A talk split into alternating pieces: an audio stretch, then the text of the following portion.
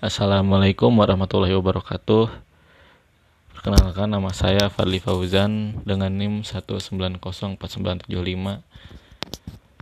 Di sini saya akan menanggapi pemaparan materi dari kelompok 14 yaitu saudari Sela dan juga rekan Dina. Mereka membahas chapter 14 di dalam buku ini Chapter 14 ini berjudul Learning in and Through Practice, a case study of a design-based residency program. Nah, dari apa yang saya tangkap, apa yang disampaikan oleh pemateri, chapter ini membahas tentang suatu program, yaitu program residensi.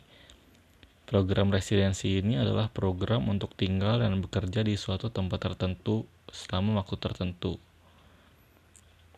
Nah, program residensi berbasis desain model ini merupakan uh, sebuah model yang dibangun di Amerika Serikat uh, dengan tema belajar mengajar melalui praktek atau latihan. Dan menurut saya program ini mungkin uh, agak hampir mirip atau mungkin sama ya dengan program PPL di Indonesia yang mengharuskan para calon guru itu melakukan praktek mengajar di suatu sekolah kepada para siswa. Dan saya setuju dengan diadakannya program-program seperti program residensi seperti ini gitu. Karena memang suatu seorang guru seorang guru juga jika misalnya hanya dijejali dengan teori saja bukan tidak mungkin ketika terjun ke lapangan maka dia uh, bisa gugup atau gimana gitu. Jadi menurut saya program ini memang sangat harus dilaksanakan untuk melatih bagaimana si guru itu mengajar di suatu sekolah dan akan terjun ke lapangan suatu suatu saat nanti dengan menerapkan teori-teori yang telah si calon guru dapatkan di pendidikan guru atau di perkuliahan begitu. Nah untuk pertanyaannya,